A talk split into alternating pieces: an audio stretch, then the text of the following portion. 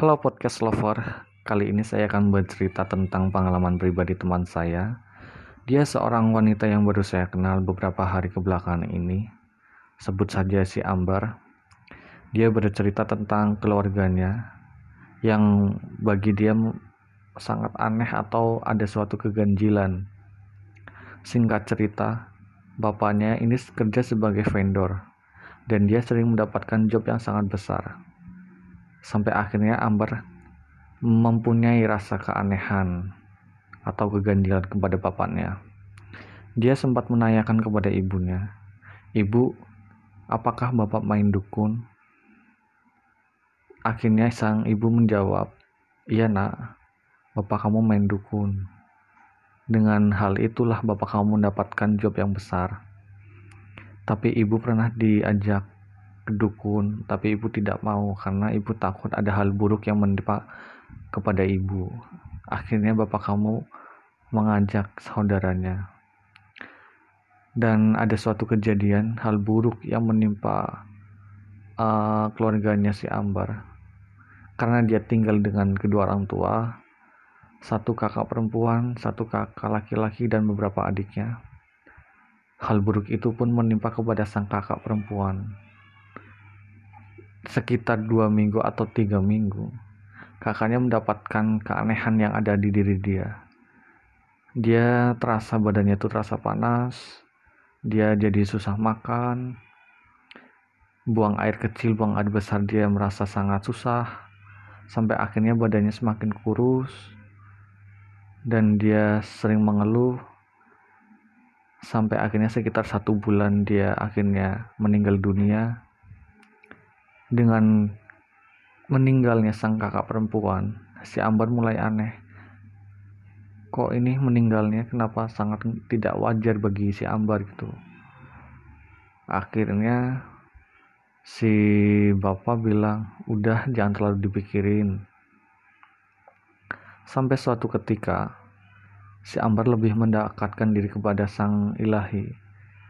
Dia sholat, dia ngaji, dia hanya meminta suatu keajaiban di keluarganya untuk lebih ada keharmonisan, ada suatu kedamaian yang dirasakan di keluarganya. Karena dia merasa selama itu keganjilan demi keganjilan tuh sering mendap sering datang gitu kan. Dia ngerasa ini kau udah aneh, kenapa harus terjadi di keluargaku gitu kan sampai akhirnya dia sering melihat uh, pocong melihat makhluk-makhluk yang lain di rumahnya. Sampai ibunya pun dia merasakan hal yang sama seperti kakak perempuan atau seperti anaknya. Dia dengan kakaknya kakak laki-lakinya dengan ayahnya pun memiliki beda aliran yaitu dia dengan kejawennya masing-masing si Ambar dengan muslim syar'inya dia sampai akhirnya dia mendapatkan ide atau masukan. Akhirnya dia utarakan ke keluarganya Pak Bu Kak bagaimana kalau rumah kita di Rukiah? Tapi dengan sontak dengan cepat bapak ibu dan kakak laki-lakinya menjawab nggak usah karena nanti almarhum kakak kamu nggak bisa nengok ke sini. Akhirnya dengan dengan apa ya kalau kita bilang dengan rasa hati yang sangat kecewa gitu kan. Akhirnya dia memutuskan oh ya sudah nggak apa-apa.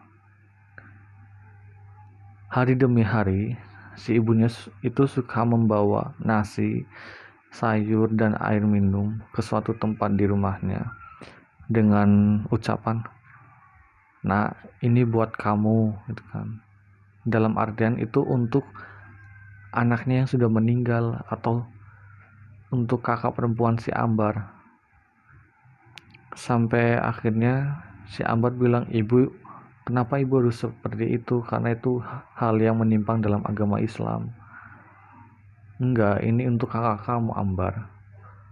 udah kamu jangan terlalu pikirin kamu jangan sok tahu. Ini ibu yang tahu. Dan akhirnya sampai sekarang dia mendapatkan keganjilan yang aneh di keluarganya. Sampai adik-adiknya bilang ke Ambar ke Ambar aku percaya sama Kak Ambar. Dan aku udah gak percaya sama bapak ibu dan kakak laki-lakinya sekarang terserah Mbak Ambar mau gimana saya nurut dengan rasa sedih si Ambar dengan mengucapkan ya sudah perbanyak sholat sering-sering sholat ngaji tadarus intinya ibadahnya diketatin lagi. Dan singkat cerita si Ambar sudah mulai merasakan hal yang aneh di diri dia tapi dengan keyakinan dia segala sesuatu itu hanya milik Allah. Dia yakin dia bisa baik-baik saja gitu kan. Ya untuk sekarang mungkin ceritanya udah saya sampai sini dulu. Lain kali saya sambung. Terima kasih